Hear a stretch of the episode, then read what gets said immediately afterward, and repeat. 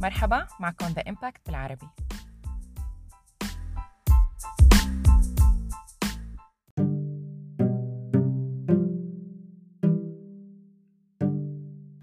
معظمنا بيعرف حدا أو هو بحد ذاته أعسر. يعني يسراوي أو بمعنى تاني بيستخدم إيده اليسار ومو اليمين. بيومنا هذا كتير من الشائع لحد الآن إجبار الأطفال بمناطق كتير من العالم على تعلم استخدام بين قوسين إيدهم الصحيحة. وكأنه استخدام الإيد اليسرى أمر غير صحيح أو لابد من تصحيحه. حتى كلمة right معناها باللغة صح أو جيد. وكأنه دلالة على أنه ال left يعني في مشكلة ما. طيب إذا كان استخدام الإيد اليسار غلط ليش أصلا عم تخلق عالم تستخدم إيد اليسار بدل اليمين؟ خلينا نشوف.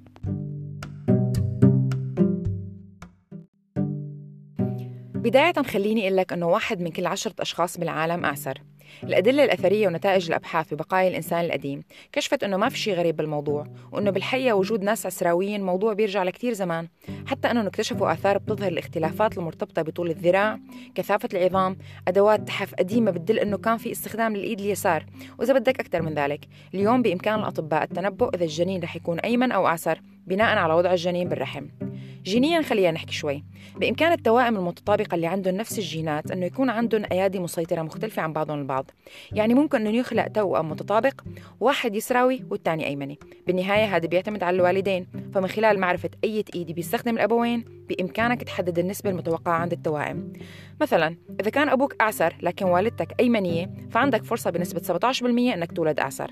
بينما إذا أبوك وأمك اثنيناتهم أيمنيين فالنسبة أنك تكون أعسر 10% بس. كل هذا الكلام بيعني أنه في سبب أنتج هالنسبة الصغيرة من الناس الأعسريين وهالنسبة حافظت على حالها على مدى آلاف السنين.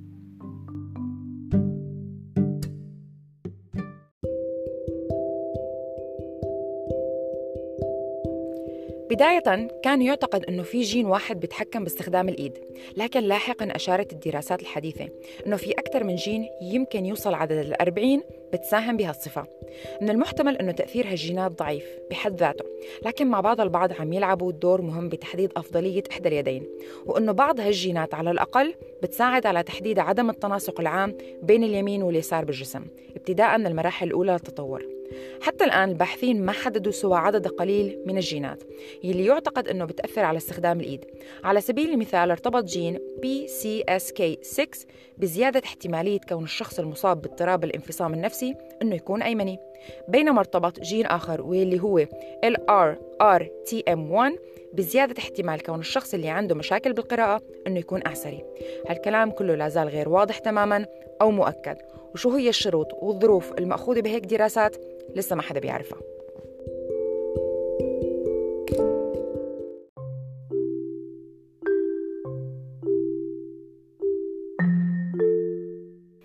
من المهم إنك تعرف إنه في نظريات بتحاول تفسر سبب وجود اليد اليمنى بالمقام الأول. فمثلا بشير نموذج رياضي جديد إنه النسبة الفعلية بتعكس التوازن بين الضغط التنافسي والتعاوني على التطور البشري. التطور أمضى ما يقارب 400 مليون سنة لقدرنا نوصل لمهارة الأعمال اللي بتشتغلها إيدينا سواء اليمين أو اليسار أو اثنين سوا. حتى بملك الحيوانات منلاقي كائنات بتفضل تستخدم مخلب حافر أو جناح واحد وعادة بتكون النسبة 50% نحن البشر ببساطة أدمغتنا متقاطعة. هذا بيعني إنه الإيد اليمنى بيتحكم فيها الجانب الأيسر من الدماغ. واليسرى بيتحكم فيها الجانب الأيمن من الدماغ لكن هذا ما بيعني إنه أدمغتنا متشابهة.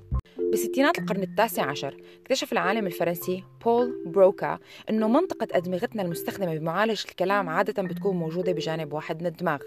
99% من عقول الناس الأيمنيين بيعالجوا اللغة بالنص اليساري بينما عقول الناس الأعسريين ف70% منهم بيعالجوا اللغة بالنص اليساري بينما 19% منهم بيعالجوا بالنص اليميني وعندك 20% منهم بيستخدموا كلا النصفين الدماغيين. حاصله اللغة والإيدين ما لهم علاقة مباشرة مع بعضهم البعض. في نظريتين متشابهتين لشرح هالشي. واقترحوا أنه بوقت مبكر من تطور البشرية ظهرت طفرة جينية أدت لجعل مجموعة من وظائف الدماغ بجانب واحد والتخصص فيها.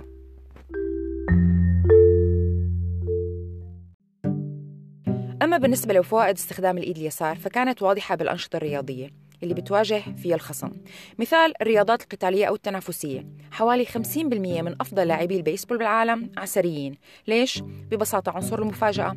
بداية الآسريين نسبتهم قليلة وبالتالي اللاعب الآسري أو الأيمني وقت بيتدربوا بيكونوا عم يتدربوا ضد لاعب أيمني وبالتالي عند المواجهة الحقيقية صاحب الإيد اليسرى عنده أفضلية الاستعداد ضد الخصم أكثر من الأيمني.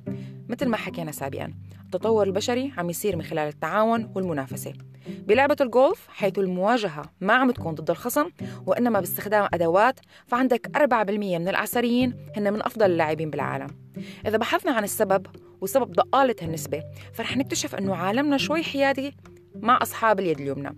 يعني من السهل أنك تحصل على أدوات لأصحاب اليد اليمنى لأنه ببساطة تم تصميم وتصنيع الأدوات لمجتمع فيه أغلبية ناس أيمنيين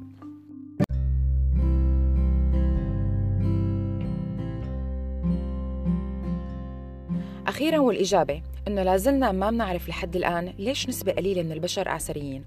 والنظرية الأبسط بتقول إنه الطبيعة بتتمتع بالتنوع. كريس ماكمانس أو ماكمينس البروفيسور بالسايكولوجي بيعتقد أن الأشخاص اليساريين قد يكون عندهم ما يسمى بالتباين الدماغي العشوائي فأدمغتهم أكثر خلط مما يؤدي لمزيد من التواصل الحديث بين نصفي الدماغ اليميني واليساري. وبالتالي يمكن المزيد من الإبداع. بالآخر امتلاكنا كبشر لمجموعة متنوعة من الأدمغة لا شك هو اللي عم يجعل الجنس البشري أكثر إثارة للاهتمام. شكرا لكم وبشوفكم بحلقة جديدة.